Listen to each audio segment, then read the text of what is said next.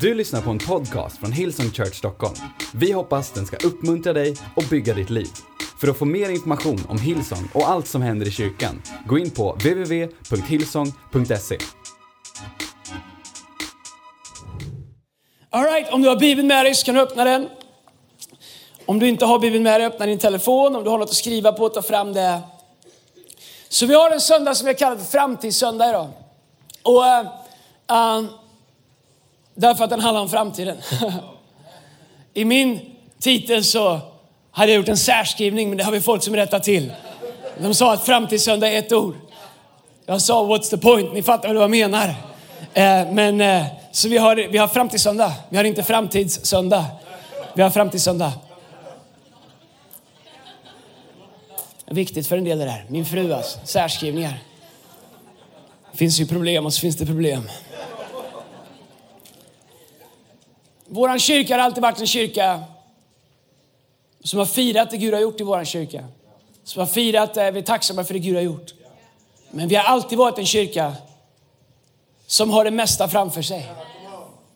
Och grejen är, om jag ska vara helt ärlig, det här har varit ett år där vi har fått jobba väldigt hårt, jobba väldigt mycket med att ta hand om det som Gud har lagt i våran hand.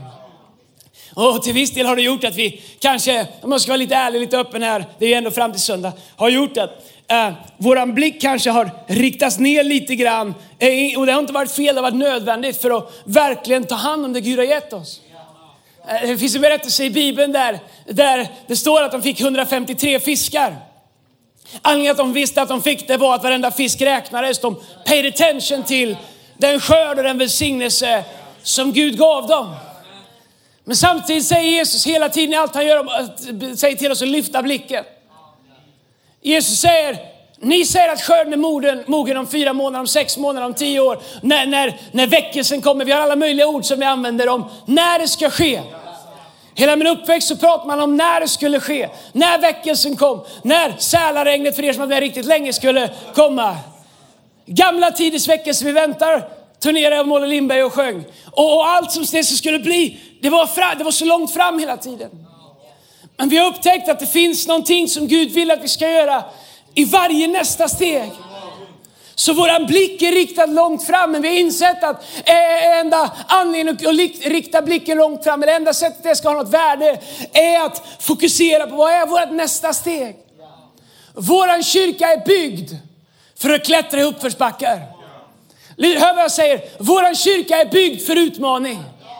Det finns, eh, jag var i fjällen i helgen, jag har aldrig varit i fjällen innan eller upp sådär. man kan säga att det var mycket uppför. Jag tänkte, jag är inte, jag är inte säker på att jag är byggd för det här. Men så tittade jag på vilka jag hade runt omkring mig. Jag tänkte det kommer åtminstone gå bättre för mig. Men våran kyrka. Jag brukar skoja och säga att jag behöver en kulle att putta en sten uppför. Annars så är jag inte, annars är det, eh, annars så, det är inte bra för mig annars. Våran kyrka, vi är gjorda för expansion. Det ligger i våra DNA att bryta ny mark. Om vi inte bryter ny mark, då kommer vi hålla på och krångla med saker och ting som har väldigt litet värde. Det är en utmaning för alla kyrkor att så fort man slutar bryta ny mark, så börjar man bråka om hur marken ska fördelas som man redan har. Ny mark handlar om nya människor som behöver höra talas om Jesus. Ny mark handlar om att eh, femte Mosebok 28 säger att, varje, att vi, när vi går in är vi välsignade, när vi går ut är vi välsignade. Det handlar om det Gud lovar Josua som också gäller oss eftersom vi är inympade i löftet där han säger att varje plats vi sätter våran fot på har han redan gett till oss. Men vi måste gå och sätta våran fot på platserna. Vi är inte en kyrka som är designare för ett arkitektbord där man sitter och pratar om teorier om hur det skulle kunna vara. Vi är skapade och formade för att vara förköpen som scoutar där ingen har varit tidigare. Det är våra DNA. Och när vi gör det så finns det en grace, det finns en nåd över våran kyrka. Där saker som inte borde funka, funkar. Om man kan titta och säga på vår kyrka, det borde kunna organiseras bättre, garanterat att det kunde borde göra det. Men frågan är, vart går gränsen? När man lägger så mycket energi på att förfina allting så mycket, att människor inne går förlorade utan att någonsin höra en chans om evangelium. Vi lever i en konstant balansgång mellan att leva i ett organiserat kaos eftersom vi är en rörelse som hela tiden är på väg i det, i det Gud säger. Så Jesus sa, ni säger att vänta några månader till så ska skörden vara mogen. Men Jesus säger, lyft er blick och se att skörden är mogen nu, redan nu. Och så säger han, det enda som saknas är arbetare. Det enda som saknas är någon som säger, hej, kan igen! Och ska vi ha tillräckligt många arbetare så måste vi inse att vi kommer att ha arbetare som kommer från olika bakgrund, från olika bibeltolkningar, med olika preferenser. En del tycker vi sjunger för mycket, en del tycker vi sjunger för lite. En del tycker att vi borde be mer. Hej, vi borde alltid be mer. Men om bön vore den stora lösningen, då borde världen varit förändrad för länge sedan. Bön är viktigt. Vi ber garanterat för lite. Vi sjunger också för lite. Vi evangeliserar allt för lite. Men vi kommer komma med massa olika preferenser. Men om vi kommer samman med våra flaggor och säger ska vi samsas, ska alla stå under min flagga. kommer aldrig bli. kommer bli som Babylon. kommer bli som Babel där ingen längre förstod varandra för att alla pratar olika språk. Men om den flaggan vi samlas under är missionsbefallningen. Gå ut i hela världen. Predika evangelium. Gör dem till lärjungar. Klä den nakne, mätta den hungrige, försök den ensamma, ta hand om änkorna. Om det är det vi samlas under och vi kan tänka oss att ta våra flaggor och bara stoppa dem innanför kavajen ett litet ögonblick och säga, vet du vad? Det kanske kommer en dag när vi gör mer av det jag tycker om. Men just nu så är det skörden som är fokus, inte min flagga som är fokus. Så Jesaja kapitel 54 innan jag börjar predika fel predikan vers 2. Ett bibelord som jag predikar om varje år, så också i år. Så står det utvidga platsen för din boning. Det är där vi bor, det är där vi är, det är där vi verkar. Spänn ut tältdukarna som du bor in under och spara inte. Jag tänker ni så här säger det här till någon som får plats så behöver man ju inte spänna ut tältpluggarna. Då behöver man ju inte skaffa sig ett större tält. Om du är tre man och har ett tremannatält så har du vad du behöver. Men om du är tre man och du vill bli tolv så måste du skaffa ett militärt du måste skaffa ett större tält. Enda anledningen att inte vilja spänna ut tältdukarna, det är att säga, det räcker som det är. Bara de som säger, jag kan inte leva med att det är många människor utanför tältet. Bara de kommer vilja vara beredda att göra det som krävs för att spänna ut tältdukarna. Om vi inte vill spänna ut tältdukarna så måste vi börja sälja till oss själva varför det räcker, varför det är fel på alla som vill spänna ut tältdukarna. Därför att det finns en stretch i att spänna ut tältdukarna. Spänn ut tältdukarna du bor inunder och spara inte! Förläng tältlinjen åt hög och, och gör dina tältpluggar starka. Ty du ska utbreda dig åt höger och åt vänster. Dina avkomlingar ska ta hedningars länder i besittningar och på nytt befolka ödelagda städer. Ska predika framöver, en predikan predikat innan på ett annorlunda sätt om Abrahams brunnar. Hur filisterna grävde igen det som Abraham en gång hade byggt. Källor som gav liv, brunnar som gav vatten, vatten en bild på liv. När filisterna kom så täppte de igen dem. Men det Isak gjorde var att han grävde upp dem igen så att det återigen kom vatten. Det är det som han säger här, att eh, på, vi ska på nytt befolka ödelagda städer. Där kyrkan inte har kommit in tidigare, där evangelium inte haft tillträde. Där man har sagt, kyrkan ni kan hålla på jättebra att ni hjälper fattiga människor. Håll gärna på med era ryggsäckar, men lägger inte i politiken, lägger inte i underhållningsbranschen, lägger inte i den offentliga sektorn, lägger inte i skolsystemet, lägger inte i de sakerna. Ta gärna hand om ute ytterligare. Men du förstår, de områdena där Jesus inte haft en röst eller hans hand inte har nått tidigare. Det är det som Jesaja säger, hej, där det har varit öde med evangelium, dit ska ni. Det är där vi är byggda för.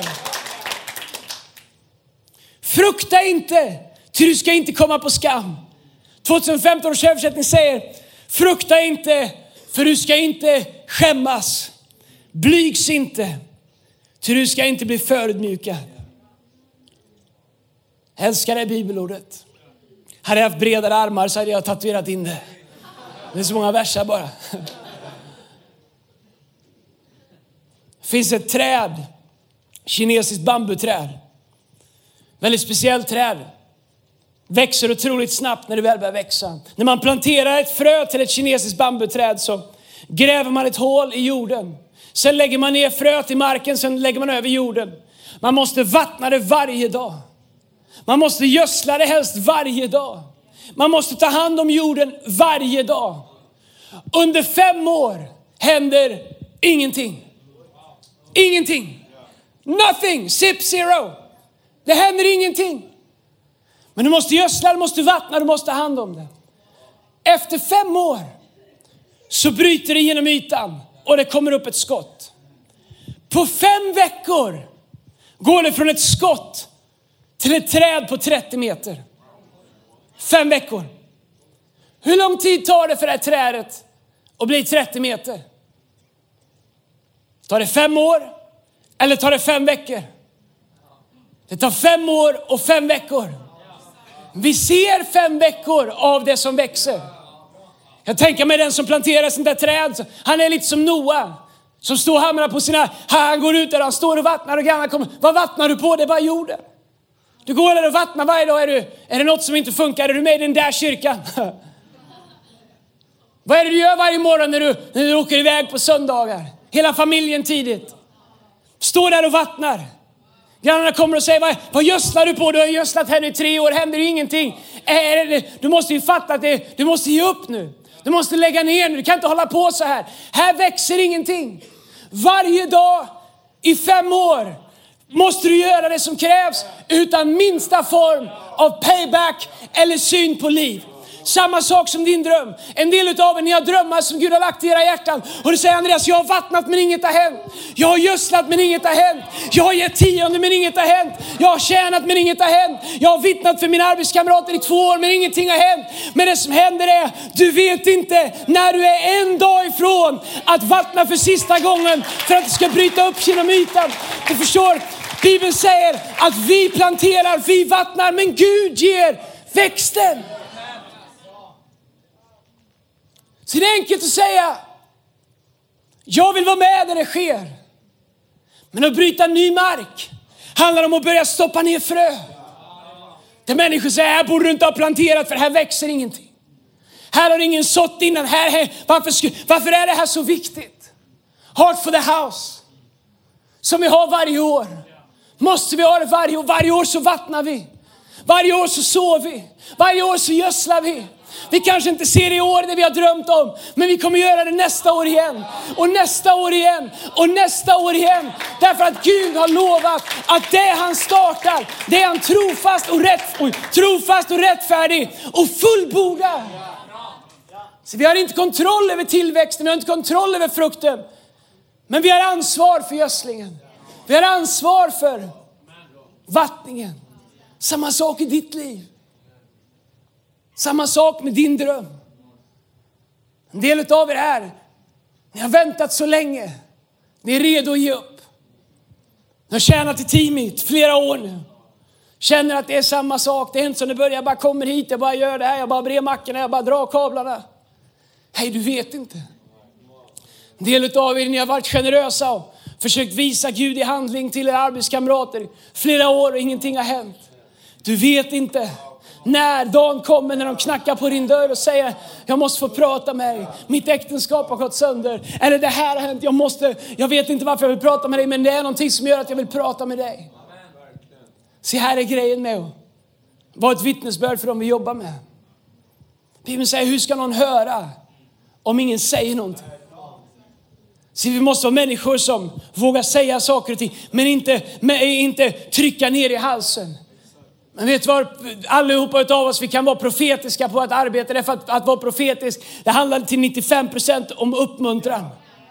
Det profetiska handlar om uppmuntran, korrigering och, och, och, och, och vishet och, och vägledning. Men framförallt så handlar det mest av allt om uppmuntran. Du kan, vara en, du kan leva en, en profetisk gåva på din arbetsplats genom att säga uppmuntrande saker. Ibland så tänker jag att människor bara ska förstå det som att evangeliet är gäster med gester. Och du vet, så, så, så, har ni sett gäster med gester? Gunde Svan, han var inte med. Vad hette han? Eh, Lennart Svan. Du vet, de har bara blåst allihopa så här. Och man ska försöka lista ut, en del människor de är hungriga på evangeliet, men, men vi säger ingenting. Vi säger, jag vill att de ska se på mitt liv. Det är jättebra också. Men evangelium är inte bara gäster med gester. Utan Bibeln säger, hur ska de höra om inget säger? Men det vi säger är inte, det där får du inte göra. Några av dem jag var med i veckan, de, de, de lever sitt liv på ett sätt som inte jag gör. Men det ska aldrig, komma, det ska aldrig falla mig in och döma dem. Utan att tala liv, tala uppmuntran, få dem att se det goda.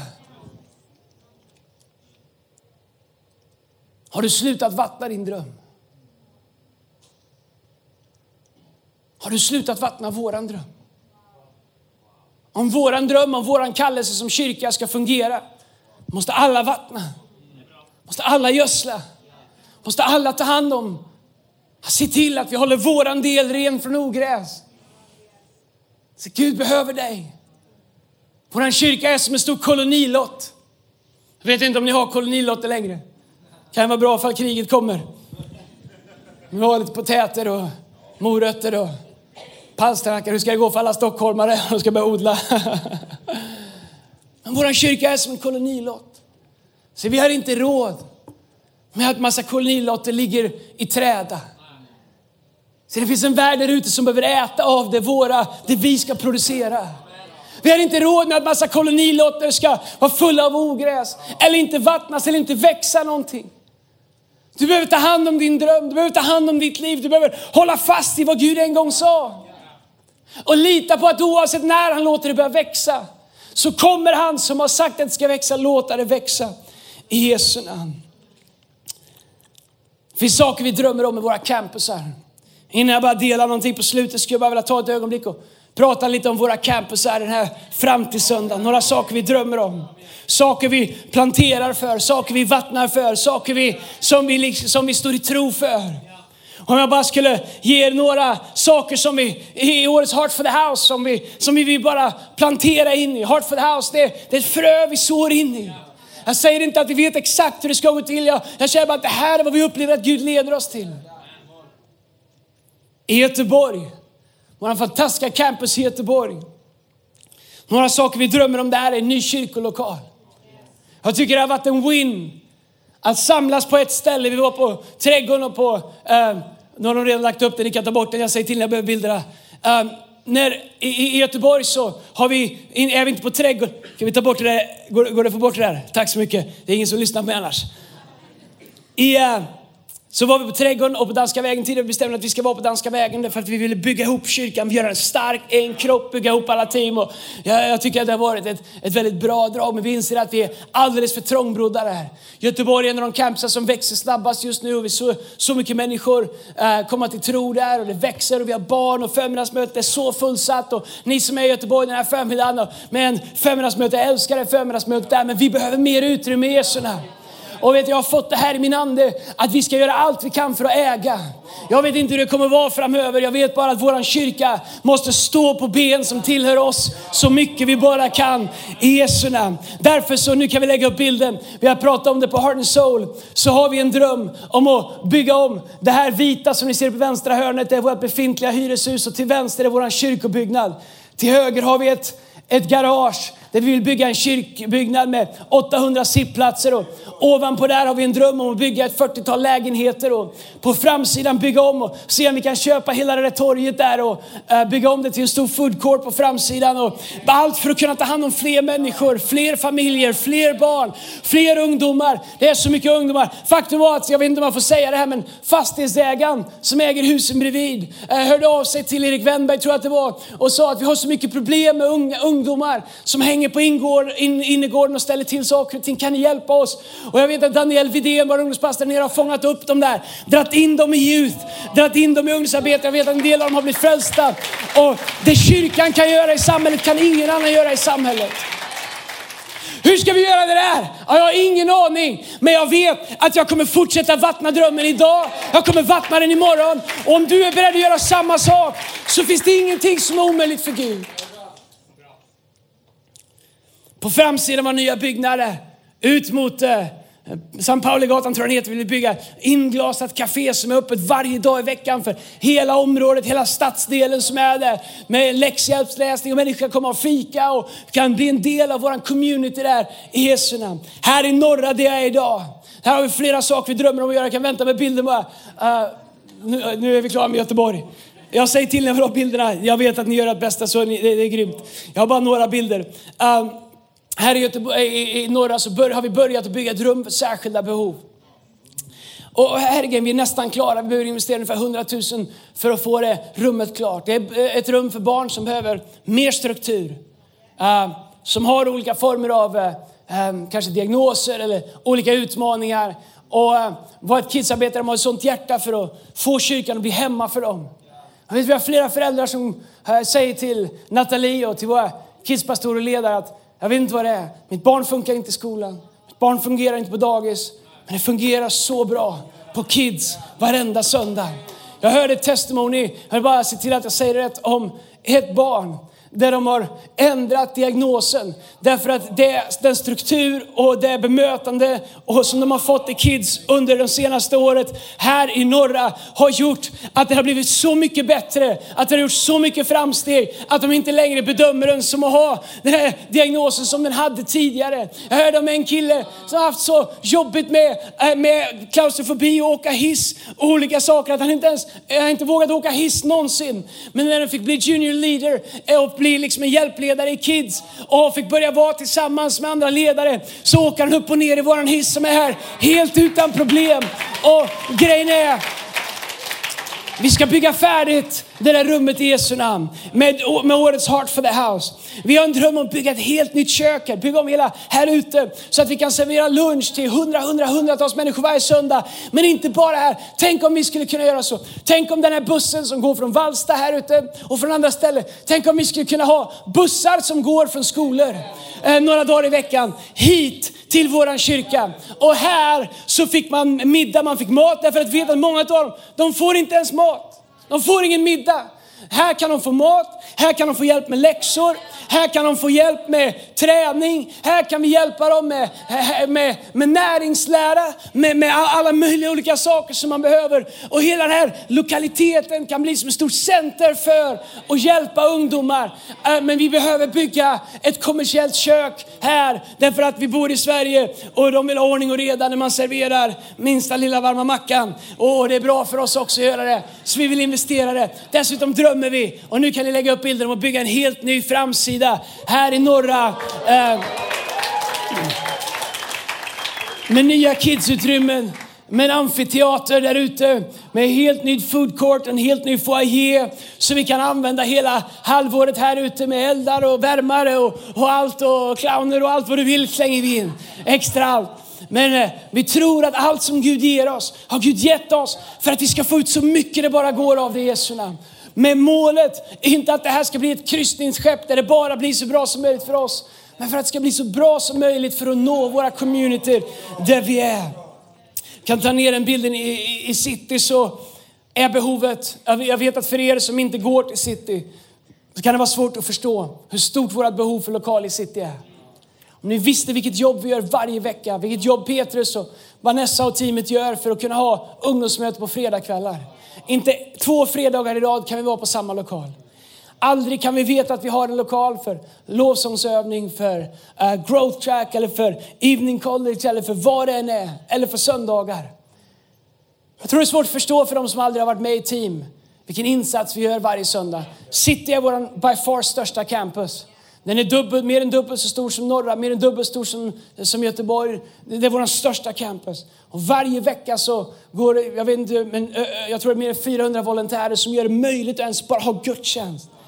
Church, vi behöver vår egen lokal i city. Vi behöver vår egen byggnad. Och vi vet att vi är bara en söndag från att de vi hyr av när som helst kan säga, nej, ni får inte hyra här längre. Och då ska vi ta vägen någonstans med 2 500 människor. Och det gör man inte i en handvändning. Nej, vi, har, vi har ingen lokal på gång. Men den här veckan så skedde något märkligt. Kanske har Gud öppnat en dörr som skulle kunna leda till ett mirakel på ett sätt som uh, bara Gud kan göra. Men grejen är att vi måste vattna. Vi måste så. Och här är grejen, om du är med i någon annan campus än City så tänker du, ja jag ska be för dem i City. Så här vi är en kyrka. Enda anledningen till att vi har kunnat bygga om i norra, det är att City var med och gav i Heart for the House. Enda anledningen att vi kunde göra alla förändringar i Göteborg, det är att norra var med och gav så att vi kan göra det i Göteborg. Enda anledningen till att vi kunde ta nya lokalen i södra, det är att Göteborg med, se, vi hänger ihop allihopa. Ena året fokuserar på ena stället, andra året, och vi kommer göra samma saker på alla våra campusar. I Jönköping så drömmer vi om att eh, kunna hitta en lokal som vi kan ha mer ofta, kanske ännu mer in i city är någon form av teater där det är enkelt att slinka in. I Örebro har vi precis flyttat in i en jättebra lokal.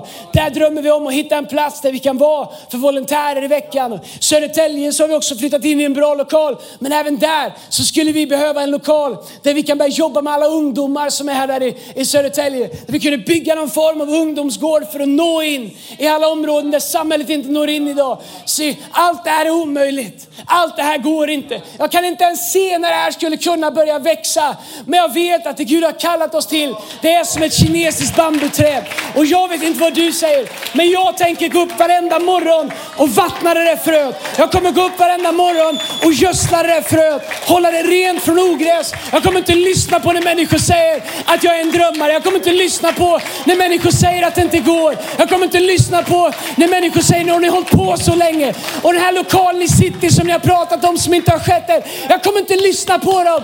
Därför att jag vet att en dag så kommer det bryta upp genom ytan. Och det som inte skedde på fem år, det kan ske på fem veckor i Jesu namn. Men church, vi måste bestämma oss för att det är det vi gör. För en dag så vet jag att jag kommer stå inför Gud. Och Gud kommer säga Andreas, gjorde du allt du kunde? Och min vän, du kommer ju få göra samma sak. Och det finns ingen rädsla i det. Det finns ingen skam eller skuld eller fördömelse i det. Det finns bara ett fantastiskt opportunity att få se mirakel ske i våran kyrka. Våran framtid finns redan planerad av Gud, men vattnet finns i våra händer. I Jesu namn. Jag vill avsluta med bara tre saker som jag upplever att Gud har lagt på mitt hjärta i våran kyrka. Ni som har varit med länge, ni vet att jag är ingen predikant som säger Gud har sagt och Gud har sagt och Gud har sagt. Därför att man behöver inte ha fel många gånger förrän man har förlorat det förtroendet. Men det betyder inte att, vi inte, att Gud inte talar. Det betyder inte att vi inte hör Gud, det betyder inte att Gud är, är tydlig eller Gud talar. Men jag har tre saker som jag upplever att Gud har lagt på mitt hjärta. Det jag känner att Gud har, att jag är ett sändebud från Gud till våran kyrka idag. Sen får du pröva att göra vad du vill med det. Men jag är här för att så och vattna idag i Jesu namn. Tre saker som jag upplever att Gud säger till vår kyrka. You get what you pray for. You get what you pay for. And you get what you stay for. I Jesaja kapitel 32, vers 8 så står det så här. But generous people plan to do what is generous and stand firm in their generosity. Den säger att generösa människor planerar för att göra det som är generöst. Och de står fast i sin generositet. Jag gillar det bibelordet därför att det talar om två saker för att leva det liv som Gud har kallat oss till och för att vattna våran dröm. Det ena är att generositet är något som man planerar. Generositet vad det gäller, vare sig det gäller ord, eller det gäller hur vi ser på andra människor, eller det gäller vårt givande till Arts for the House, eller det gäller vårt tjänande. Det är ingenting som sker av en slump. Det är inte så att vissa människor har mer tid att tjäna Gud än andra människor. Vi har alla samma mycket tid. Sen finns det olika säsonger i livet och det har jag stor respekt för. Men big picture över vårt liv så har vi lika mycket tid. Men faktum är att skiljelinjen går mellan de som planerar för generositet och de som säger att jag, jag gör det när, när det finns möjlighet. Jag vet inte hur du har upptäckt, men mina möjligheter kommer aldrig om jag inte planerar för dem. Men det säger också, och det är samma sak med vårt givande. När det kommer till vårt givande, hey, om man inte planerar så i slutet av månaden så har det planerat sig självt. Om ni vet vad jag menar. Men därför säger jag, generösa människor planerar för att göra det som är generöst. Alltså det är ett fokus för dem innan de gör dem. Så generositet är inte en spontan händelse. Det kan det vara. Generositet är något som är planerat. Men det står också, och de står fast i sin generositet. Jag undrar om det är någonting i våra liv som blir utmanat så mycket som generositet. Generositet när det gäller att förlåta människor. Generositet när det gäller att släppa för, för, för, för, för, förrätter, offenses. Generositet när det gäller att stå fast i vårt givande.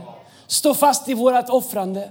Generositet när det gäller att och liksom se till att, man, att jag gör det jag har sagt jag ska göra så jag inte sviker mina teamkamrater. Hey, ah, vi, vi prövar det hela tiden. Vår generositet blir hela tiden, vår syn på andra människor. När de trampar oss på tårna. Det blir prövat hela tiden. Men därför säger Jesaja att generösa människor planerar i förväg att idag ska jag vara generös, det spelar ingen roll vad som händer, men jag ska vara generös. Men de säger också att de står fast i sin generositet. You get what you pray for. Vision. Apostlagärningarna kapitel 13, vers 2 så står det när de tjänade Herren och fastade och sa, då sa den helige Ande, avskilj Barnabas och Saul, Saulus åt mig för den uppgift som jag har kallat dem till. Då fastade de och bad och la händerna på dem och skickade sedan iväg dem. Gud gav dem en vision för vad de skulle göra medan de bad. Det är min bön för Mega Pray Night på torsdag kväll. Att det skulle bli som i Apostlagärningarna kapitel 13. När de samlades och bad så blev det glasklart från himlen vad de skulle göra. Men jag är i en säsong i mitt eget liv nu där jag ropar till Gud och säger Gud, jag behöver direction. Jag behöver veta vad är vårt nästa steg? Vad är din vilja med norra? Vad är din vilja med city? Vad är nästa steg med Göteborg? Vad är nästa steg med södra, Jönköping och Örebro? Vad är ditt nästa steg? Vi behöver höra ifrån Gud. Vi behöver höra ifrån Gud. Vi behöver höra honom tala. Och vi, det finns massa bra idéer men vi behöver Guds idéer. You get what you pray for. Säg inte att Gud inte talar om du inte ber. Jag har upptäckt att storleken på våra böner definierar storleken på visionerna som Gud ger. Inte alltid storleken på hur stor tro vi har. Men, men, men vår tro definieras ofta av hur stora böner vi ber.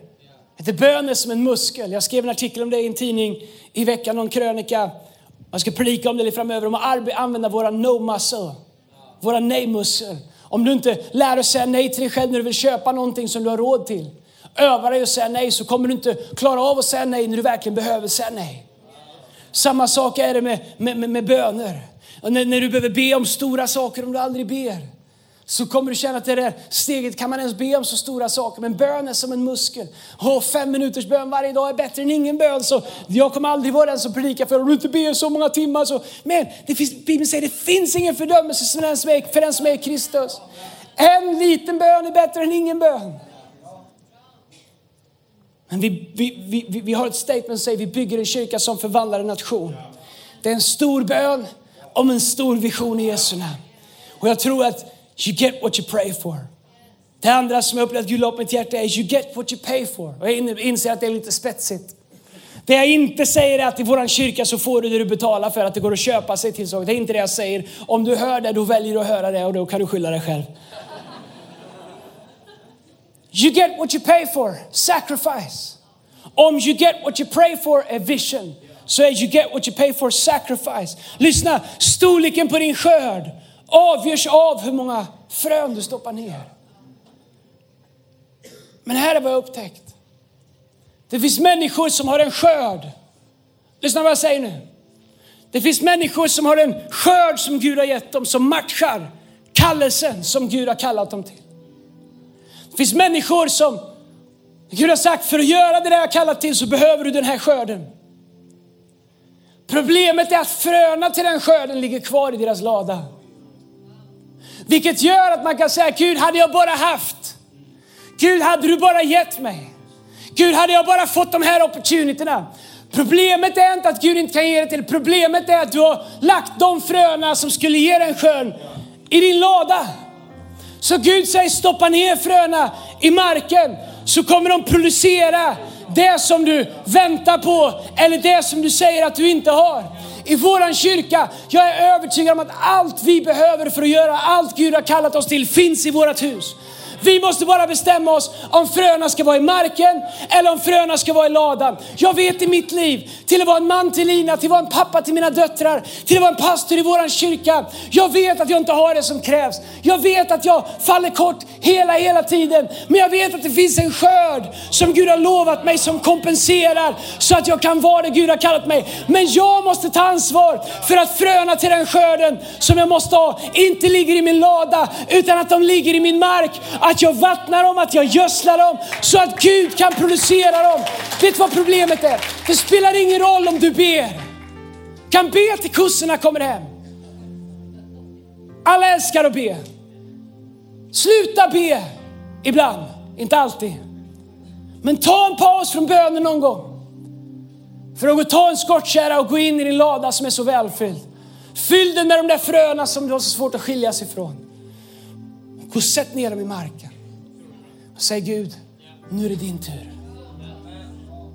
Allt vi behöver till, till att göra den revolution för evangelium som Gud har kallat oss till finns i vårt hus. Den finns i mitt hus. Den finns i ditt hus. Den finns i vårt hus.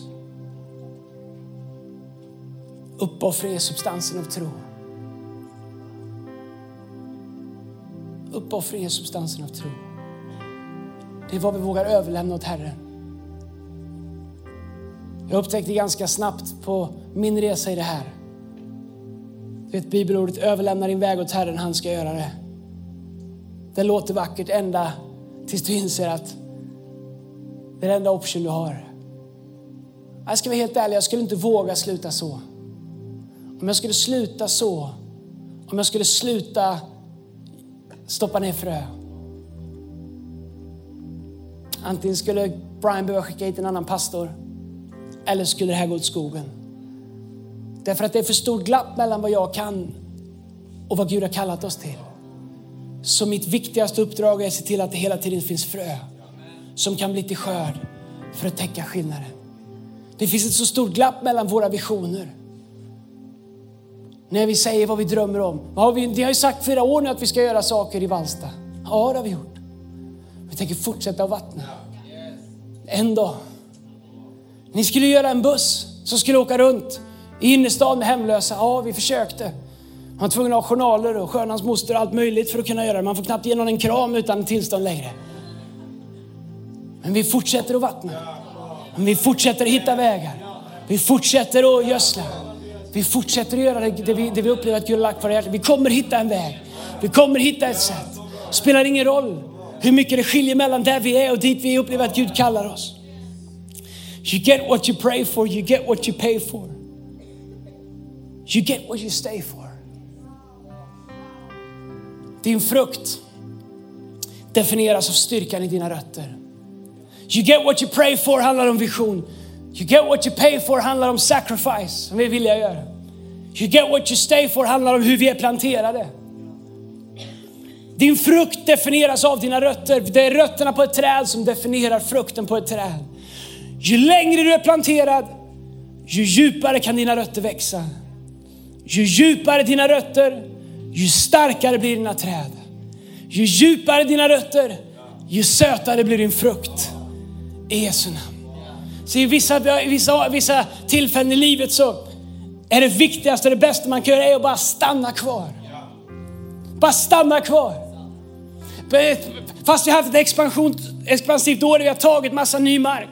Så det har varit så mycket som vi, har, som vi har känt att vi vet inte vad vi ska göra med. Så på, i, vissa lägen så har vi liksom bara huggit ner isdobbarna och sagt, vi ska i alla fall stanna kvar.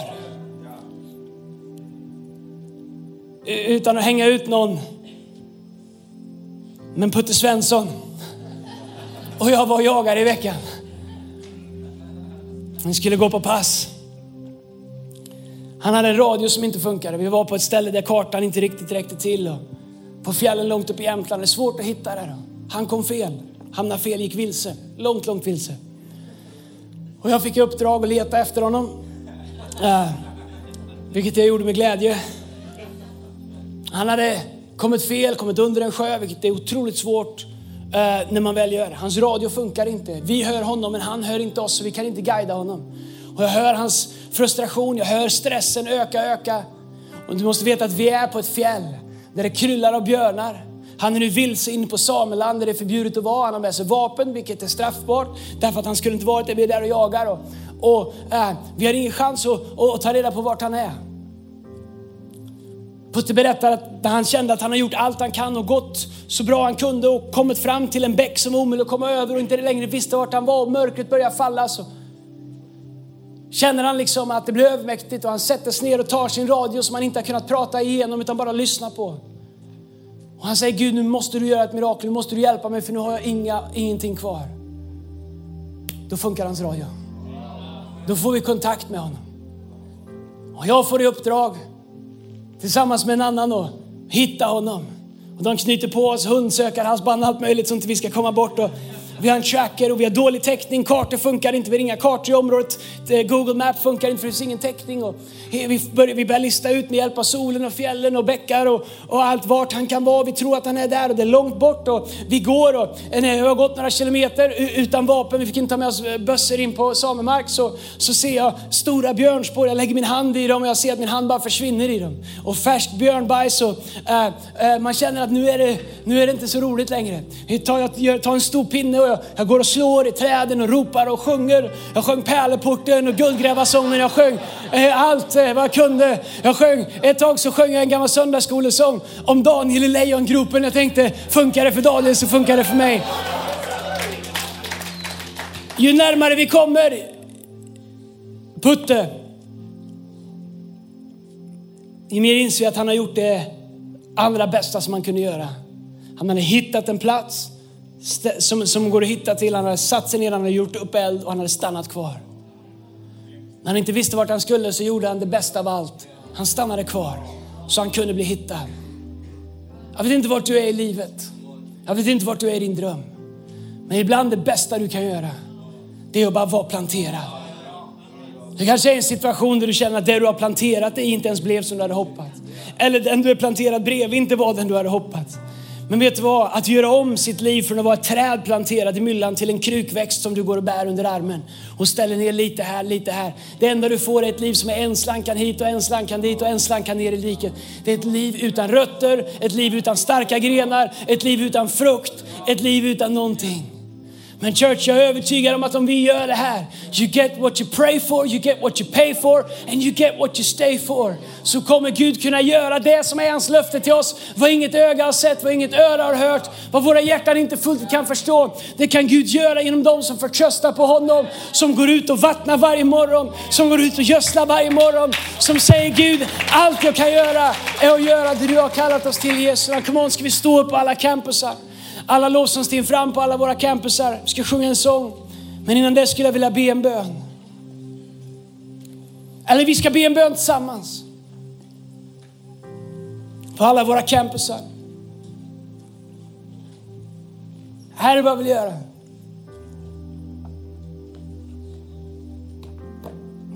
Vi ska be lite annorlunda. Om du är ny här idag, så här gör vi inte alltid, men idag gör vi det. Fram till söndag. Alla huvuden böjda, alla ögon stängda.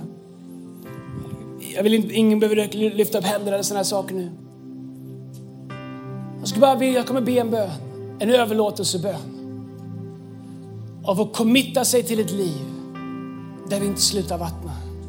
Kanske har du känt att du har liksom hållit på att vattna men du, du la ner det. Det blev inte som du tänkte. Eller du känner att du har tröttnat på att det aldrig växte eller du har grävt upp ditt frö. Eller whatever, vad det än som har frestat dig att ge upp. Kanske finns det, finns det rimliga skäl eller whatever, med mänskliga saker som du har gjort eller andra har gjort mot dig. I don't, I don't know. Guds vilja är att du ska förstå att you get what you pray for. You get what you pay for and you get what you stay for.